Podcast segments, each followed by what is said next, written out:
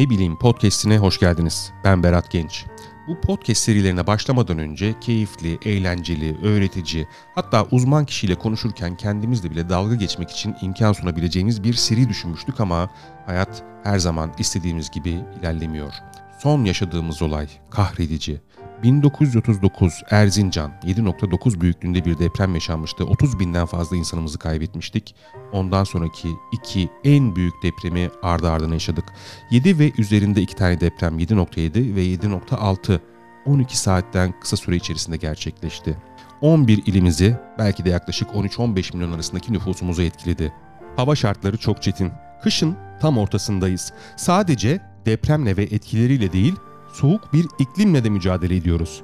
Hem enkazda yardım bekleyenler için, hem enkaz başındaki kurtarma ekipleri için hem de yakınları ve sevenleri için. Toplum olarak zorluklara alışkınız. Üstesinden gelebilecek tarihi bir geçmişe sahiptir bu millet. İnşallah bu süreci de çok hızlı bir şekilde tek yürek olarak geride bırakacaktır. Yeter ki aklın ve bilimin ışığında ilerleyelim. Dijitalleşen dünya içerisinde ben bu depremlere karşı, bu doğal afetlere karşı ne yapabilirim, nasıl önlem alabilirim, en azından farkındalığımı nasıl arttırabilirim diyenleriniz olursa da AFAD'ın hazırladığı Hazırol Gov.tr sitesinden eğitimleri alabilir ya da e-Devlet üzerinden temel afet bilinci farkındalık eğitimine başvuruda bulunabilirsiniz. Hem kendinize hem yakın çevrenize ciddi anlamda katkı sağlayacak bir içerik sunmaktadır. Hepimizin millet olarak tekrardan başı sağ olsun. Umarım son olur ve almamız gereken dersleri hep birlikte alırız. Hoş geldiniz. Başlıyoruz. Geçerken uğrayanların, tanıtımı beğenenlerin, ''Du bakalım ne anlatacakmış?'' diyenlerin, ''Hadi canım öyle miymiş, yok daha neler?'' diyenlerin, bilmeyenlerin ve bilmek isteyenlerin, ''Korkmadan bilmiyorum'' diyenlerin podcast'i Ne Bileyim başlıyor.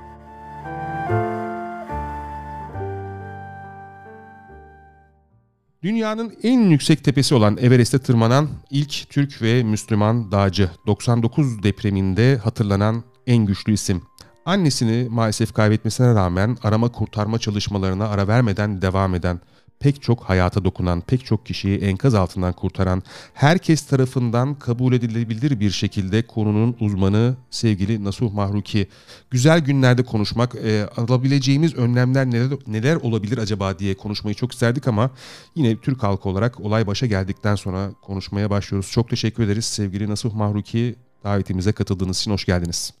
Merhaba, hoş bulduk. İlk şöyle başla, başlayalım dilerseniz. Ee, bir açıklamayla başlayalım. Yaşanan sıkıntılar tam olarak neydi? Ne olsa yaşanmazdı. Yani sonuç itibariyle Türkiye'de tarihe geçmiş en büyük e, iki depremi ardı ardına yaşadık. Belki de 7.7 ve 7.6 ile Erzincan depreminden sonra. Ne olsa yaşanmazdı ya da ne olsa bu sıkıntılar daha az atlatılabilirdi? Şimdi sonuçta karşımızdaki şey bir afet, hatta afet de değil bir felaket. Çok çok büyük bir şey yaşadığımızı e, hepimiz gayet iyi biliyoruz. Normal bir şey değil bu. Yani normal bir afet değil. 17 Ağustos'tan çok daha beter e, bir bir şeyle karşı karşıya kaldı maalesef Türk milleti. E, burada tabii afetlerle mücadele bütün gücünüzle yapılır. Yani tam kapasitenizle yapılır. Hele bu bir felakete dönüştüğü için e, bununla mücadele yani çok hızlı, etkin ve doğru yapılmalıydı, verimli yapılmalıydı. Ee, biz en büyük kapasitemizi bu sistemde maalesef, bu depremde maalesef kullanamadık. Çünkü Türk Silahlı Kuvvetleri bu e, emniyet asayiş yardımlaşma protokolleri çerçevesinde doğal afet yardım planlarını e, yapma görevi ve sorumluluğundan geri alınmıştı.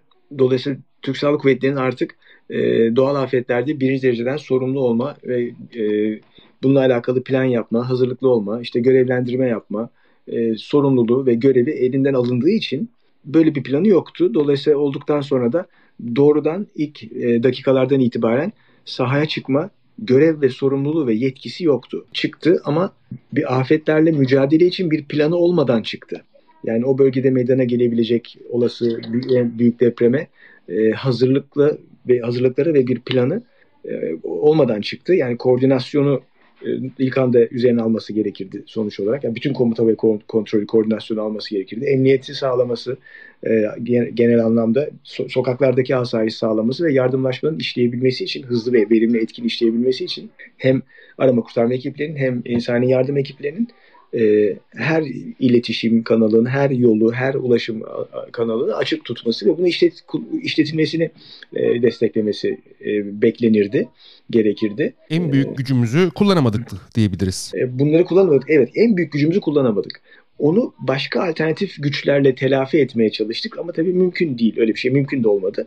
Ee, insanlar e, afet bölgesine ulaşmakta çok büyük zorluk çektiler. Kurtarma ekipleri de, e, insani yardım tırları da e, veya yurt dışından gelen kurtarma ekipleri de o koordinasyonsuzluktan onlar da çok etkilendiler. Gereksiz yere havalimanında beklemek zorunda kaldılar. Geldikleri yerde beklemek zorunda kaldılar. E, e bu tabii ki bunların hepsi döndü dolaştı kurtarılmayı bekleyen insanlara yansıdı. Dışarıda e, işte bir insani yardım bekleyen, bir çadır bekleyen, bir çorba bekleyen, bir sıcak bir şey bekleyen e, depremzedelere yansıdı yani. Vatandaş ödedi bedelini sonuç olarak bütün bu koordinasyonsuzluğun yarattığı, gecikmenin yarattığı, tam kapasite mücadele etmemenin yarattığı e, eksiklerin, sıkıntıların bedelini. Ee, şöyle de teknik de bir şey sormak istiyorum aslında bakarsanız arama kurtarma demişken. E, sizin zamanında AKUT'un başkanı iken Birleşmiş Milletler Sistemi'ne uygunluk e, sınavını geçmiştiniz e, yanlış hatırlamıyorsam. Mevcut kurtarma ekiplerinde sahip olunan bir yetkinlik midir bu? Bu Birleşmiş Milletler'in uluslararası afetlerde çalışma yapmak isteyen gönüllü olarak ya da işte ya evet gönüllü olarak tabii ki çalışma yapmak isteyen gönüllü ya da profesyonel ekipleri e, sahip olması gereken standartları belirleyen bir protokol var. INSARAG International Search and Rescue Advisory Group'un, Uluslararası Arama Kurtarma Danışma Grubu'nun hazırladığı bir yönetmelik var. Bayağı da kapsamlı bir yönetmelik. E, o yönetmeliğe uygun hazırlık yapıp hafif orta ve ağır sınıflarda hangisini tercih ediyorsanız sınava giriyorsunuz. Bu e, operasyonel bir sınav. Uluslararası denetçiler geliyor. Birleşmiş Milletler'in bu konudaki uzman ekipleri geliyor. Ve bayağı birkaç günlük gece gündüz süren e, aynı anda birçok enkazda devam eden hem e, raporlaması, bürokrasisi çok ağır olan, e, sahadaki operasyonları da aynı şekilde e, her işte sizin yeteneklerinizi test eden bir sınava giriyorsunuz. Akut e, bu sınavı Türkiye'de ilk geçen e, kurtarma takımı oldu. Dünyadaki de 7. sivil toplum kuruluşu oldu. Harika. Peki şu andaki günceldeki kurtarma ekiplerimizin veya STK'ların böyle bir yetkinliği var mı bildiğiniz? E, Türkiye'de Akut'tan başka galiba bir iki tane daha STK ve kurum var. Bazı sivil savunmalar galiba aldı, AFAD'lar galiba aldı. E, e, bir, yani var birkaç yer var ama yani beş tane olduğunu zannetmiyorum. Bazı teknik konuları da konuşmak isterim açıkçası.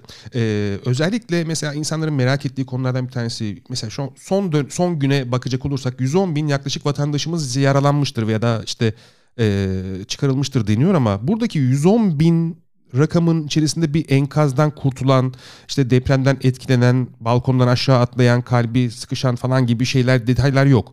Burada enkazdan kurtulma rakamı tahmini olarak nedir? Veya bu 110 binin içeriğinde neler vardır tahmini olarak? E, öyle bir kayıt tabii ki tutuluyor aslında. Yani her e, ekip kendi kaydını tutuyor tabii ki.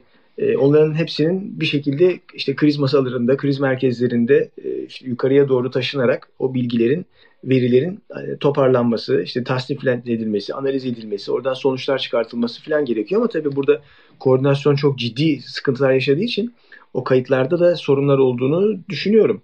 Dünya genelinde de yapılmış e, depremlerden sonrasında böyle enkazlardan kurtulma oranı e, deprem yaşandı. Enkazın altında kaldı. İşte 100 kişinin işte 10 tanesi kurtulabiliyor. İşte 8 tanesi kurtulabiliyor. Böyle bir istatistik var mı? Yok hayır böyle bir şey söylemek çok zor. Bu sizin tabi yapı stoklarınıza işte afetin ne şekilde nereye hasar verdiğine, ilk anda kaç kişi kaç kişinin ölüp kaç kişinin sağ kalabildiğine ve tabii ki müca, müca, mücadele müdahale kapasitenize bağlı. İlk anda dediniz az önce ilk an mıdır bu işin en kritik noktası? Şimdi ilk saniyeler, ilk dakikalar, ilk saatler ve ilk günler sırasıyla en kritik süreçler e, afetlerde, acil durumlarda yani her türlü riskli süreçte aslında. E, çünkü yani deprem olurken o ilk saniyelerde doğru davranışları yapıp yapmanız gerektiğine karar verip hani paniğe kapılmadan soğukkanlı bir şekilde deprem geçene kadar e, beklemeniz gerekiyor bulunduğunuz yerde. İşte ilk dakikalarda da bu işi sağ salim atlattıktan sonra hemen durum değerlendirmesini yapıp bir şekilde binayı tahliye edeceksek hemen işte acil durum çantamızı alıp işte çekirdek alemimizi toparlayıp doğalgaz elektriği suyu kapatıp dışarı çıkmamız gerekiyor. Dışarıda tabii büyük bir kaos olacak. İşte o kaosu ilk birkaç saatte e, eğer o kaosu kontrol altına e, alacak bir e, bir güven ortamı yaratılabilirse e, o zaman arkadan gelecek olan işte diğer evinden dışarı çıkacak ve giderek kalabalıklaşacak o sokak e, ve toplanma alanı işte oraya erişmeye çalışacak insanlar Oradaki düzen e, sağlanabilirse e, ilk 12-24 saatte vatandaşların e, en incinebilir olduğu, en sıkıntılı ve zorda olduğu süreç çok daha az tehlikeyle ve riskli atlatılabilir ve kaos kaynaklı ikinci riskler engellenmiş olur. E, yerel yetkililer e, bir bilgi verebilirse bu çok önemli e, rahatlatır vatandaşı. Yani bir muhtar bile çıkıp orada bir sakin olun işte yardım gelecek haber verdik durumumuzu biliyorlar filan gibi bir şey diyebilse. Ee, Panikten kurtarmak önemli. Birazcık da psikolojik olarak destek olmak galiba birazcık daha önemli. Panikten kurtarmak bir de tabii ilk dışarı çıktığınız dakikalarda ve ilk saatlerde birçok bir acil başka acil durumlar da var. Yani yangınlar var mesela. Ve yangına e, ilk iki dakikada bir iki dakikada müdahale ederseniz söndürebilirsiniz. Ama geciktiğiniz anda iki dakikanın üstünde söndüremezsiniz bir daha. Yanına yaklaşamazsınız. Yani çok hızlı e, orada o yangınlara da başlangıç seviyesinde müdahale edebilmek önemli.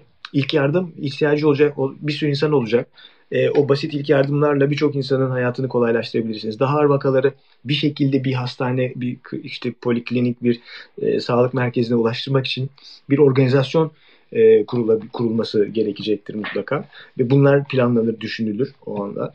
E, yaşlılar, engelliler, hamileler, e, işte çocuklular, bebekliler gibi dezavantajlı grupların korunması, kollanması gerekecek. Onların daha bir ayrı e, ihtimam görmesi gerekecek gibi. E, yardıma gelen insanların işte organize olup e, yardım etmesi. E, kaba kurtarma dediğimiz o ilk dakikalarda, ilk saatlerde e, pek çok insan kurtarılabilir. Çünkü pek çok insan enkazların e, dış kenarlarına doğru savrulmuştur ve sesini duyarsınız ve basit bir müdahaleyle işte bir kapıyı kırarak ya da ne bileyim bir dolabı çekerek ya da bir duvarı sadece delerek pencereyi kırarak yine insan kurtarabilirsiniz. Yani ilk, ilk saatler ve ilk gün çok çok önemli insan kurtarmak için. Onu da oradaki insanlar yapar zaten. E, dolayısıyla yerel halkın, vatandaşın, özellikle afet riskinde bulunan insanların e, temel afet bilinci eğitimi, temel yangın eğitimi, ilk yardım eğitimi gibi kendilerini daha güvenli hissetmelerini sağlayacak, daha güvenli olmalarını sağlayacak bu tür eğitimler almalarına çok büyük bir fayda var. Enkaz kaldırma işlemleri başladı ve e, bu enkazın kaldırılması esnasında e, o anı gözümüzde canlandıramıyoruz. Çünkü canlandırdığımız zaman gerçekten büyük bir e, gözümüzün önüne getiriyoruz. Ondan sonra hemen unutmaya çalışıyoruz. O nasıl bir görüntü bizi bekliyor? Orada nasıl ayrıştırılacak enkazların arasından e, vefat eden yurttaşlar? Şimdi, evet bu çok önemli bir problem. E, çünkü sonuçta ne olursa olsun o enkazlar kaldırılırken enkaz altında çok sayıda cenazede çıkacak. Ve e, onların bedensel bütünlüğünü bozmadan çıkartmak esas olması gereken bir şey. E, o yüzden bu enkaz kaldırma çalışmalarında da hani normal bir e, bina yıkıntısı e, enkazını kaldırmak kadar rahat ve kolay olmayacak. Yani normal şartlarda gümbür gümbür girer işte kepçeler, dozerler, kamyona yükler, yükler götürür. Şimdi burada tabii altında cenazeler olduğu için e, insanların da tabii hala dünya eşyası olduğu için e, belki de hani parası, malzemesi, bir şeyleri, değerli şeyleri olduğu için e, biraz daha tabii burada dikkatli hareket etmek gerekecek. Yani e, iş makineleri çalışırken hem yavaş ve kontrollü çalışması hem de e, birkaç kişinin işte iş makinesinin çalıştığı yerde e, gözleriyle sürekli makinenin o işte darbesini aldığı e, enkaz parçalarına altına ve bakarak yani orada bir vücut var mı bir insan parçası vücudu eli kolu geliyor mu diye e, biraz kontrol ederek ve dikkatli bir şekilde bu e, çalışmanın yapılması e, tabii ki daha uzun sürecektir bu şekilde. Ama tabii aşağıdaki vücutları korumak için öyle hareket etmek gerekir. Şimdi enkazları kaldırırken yaşanacak en büyük sorun bu. Bir, bir sorun da çevresel bir sorun e, yaşanabilir. %98'inin 99 öncesi e, yapılaşmayla e, çöktüğünü e, ifade edildi. Şimdi kentsel dönüşümlerde de sürekli gündemde olan bir konu var. E, özellikle sağlık konusu. Eski binalarda asbest kullanımına rastlanabiliyordu ki rastlanıyor da genel itibariyle. Bu kadar büyük bir enkazın nasıl kaldırmak, bunları nasıl deşarj etmek, bunları nasıl ayrıştırmak gerekiyor? Çünkü bu kadar büyük bir enkazın içerisindeki asbesti vesaire bunların da büyük bir sorun olduğu için bunları da ayrıştırmak gerekiyor zannediyorum. Ee, evet sonuçta enkazlarda plastik malzeme de çok. Ee, aslında geri dönüşüm de kazanılacak malzeme de çok. Yani belki de böyle o enkazları gümbür gümbür hepsini alıp bir yere atmak yerine enkazları önce ayrıştırmayla alakalı bir takım işlemlerden geçirmek de e, doğru olabilir. Çünkü e, sonuçta o enkazlarda muhakkak çok sayıda e, ayrıştırılabilecek, geri dönüşümde kazandırılabilecek veya işte kendisi zaten değerli olabilecek şeyler de çıkabilir diye düşünüyorum. Yani çok çok fazla sayıda olduğu için. Yani çünkü asbestin içme sularına e, sızması ya da işte farklı tarım arazilerinde bulunması zannediyorum Tabii ki... kaynaklarına yakın bir yerlerde olması veya sızdırmaz bir izole, izole bir coğrafya parçasına yerleştirmek gerekir ki onun içerisindeki o malzemeler e, her işte içme sularımıza karışmasın, tarım sularımıza karışmasın bir taraftan. O yüzden belki de bir ayrıştırma operasyonu sonrasında bunun yapılması e, da uygun olabilir. Bilemiyorum yani uzmanlarının değerlendirmesi gereken bir şey tabii ki. Peki uzmanlık demişken e, uzmanlığınızın bu kadar bilir kişiliğinizin olduğu ve bunu herkes tarafından kabul edilebilir olduğu bir noktada Maraş depremiyle alakalı sizi arayan oldu mu? Nasıl, nasıl yapalım, nasıl yani bunu nasıl çözebiliriz veya nasıl ilerlememiz gerekiyor gibi e, fikrinize danışanlar Vallahi, oldu mu? Dünya kadar televizyon kanalı, dünya kadar hani böyle e, bu konuda yayın yapan kişi aradı tabii ki hepsine de elimden geldiği kadar destek verdim. Devletten birisi aradım diyorsanız hayır. Bizi ne bekliyor? Şu anda kokular başladı. E, vefat eden ceset kokuları ve çevreyi de ağırlaştırmaya başladı. Şimdi salgınla e, mücadele olunacak gibi görünüyor. İşte tuvalet ihtiyacı, hijyen ihtiyacı. Bizi şu andan itibaren ne bekliyor? Bu önümüzdeki birkaç gün içerisinde, bir hafta içerisinde, on gün içerisinde nasıl sorunlarla karşı karşıya geleceğiz biz? Yani e, umuyorum ki hijyenle alakalı sorunlar ortaya çıkmadan önce önlemleri alınır ve e, ilave bir de halk sağlığı sorunları yaşamak zorunda kalmayız orada. E, yani enkazda bağlı sorunlar olabilir. E, iklime bağlı sorunlar tabii ki olabilir. Yani hava koşulları tekrar bozarsa, kötülerse sonuçta insanlar e, birçoğu yine çok iptidai şartlarda kalıyorlar. E, orada tabii geçici e, konutların ya da geçici işte barınma alanlarının oluşturulması artık e, bu projeler gündemde şu anda. Biz de Akut Vakfı olarak e, Hatay'da e, özellikle Atatürk'ün mirasına sahip çıkmak adına e, organize sanayi bölgesinin e, bir tanesinin işte yakınına öyle bir yer kurmaya öncülük etmeyi düşünüyoruz bağışçılarımızla birlikte. E, yani yavaş yavaş o taraflara doğru enerji kayacak. Bu yardım dağıtım çalışmaları tabii ki hala çok önemli. Bölgedeki insanların her tür yardıma hala ve uzun süre ihtiyacı olacak. Dolayısıyla o e, depolanan malzemelerin e, düzgün bir şekilde tasnif edilerek bir planlama dahilinde bölgedeki ihtiyaç sahiplerine her yere erişebilecek şekilde ilk günlerde kurulması çok zorlanan, zor olan e, ama artık bugünlerden sonra biraz daha rahat yapılabilecek e, bu dağıtım işlerinin e, daha devamı var. Yani daha uzun süre sürdürülmesi gerekecek ama daha seçilerek ve planlanarak yani her şeyi yollayalım değil de gerçekten ihtiyacı yollayalım diye. O sürecin daha hala yönetilmesi ve daha iyi işler hale getirilmesi gerekecek. Peki e, son olarak sizin bu deneyiminizi, tecrübenizi nasıl olur da yani genç arkadaşlarımız bizler e, daha büyük kitlelere aktarabiliriz? Yani yapıyorsunuz zaten. Yani medya görevini gayet güzel yaptı bence. Sonuçta pek çok kişiden, uzmandan ben dahil görüş aldı ve bunu sürekli yaptı. Ve sürekli ilk dakikalardan, ilk saatlerden itibaren e, pek çok kişiyi ama canlı yayına çağırarak, ama telefonla bağlanarak, e, ama uzaktan bağlanarak e, hep bir e, bu konuda tecrübesi olan insanlarla yayınlar yaparak halkı bilgilendirmeye, bilinçlendirmeye e, ve hani oradan gelen görüntüleri yorumlamaya çok sevk ettiler. Dolayısıyla e, ben hani bilgimi, tecrübemi bayağı aktarabildiğimi düşünüyorum açıkçası. Yani bölgeye gitseydim bundan daha çok faydam olmazdı bence. Yani, yani sizin de, söylemlerinizle, sahada bulunuşunuzla yani her anlamda e, bize e, yaşadığımız bu son dönemdeki depremlerin içerisinde hep faydalı oldunuz, olmaya da devam ediyorsunuz. Umarım hep de olursunuz. Değerinizi biliriz diyelim. Yani sonuçta bu bir afet. Burada her tür kasa ihtiyacınız var.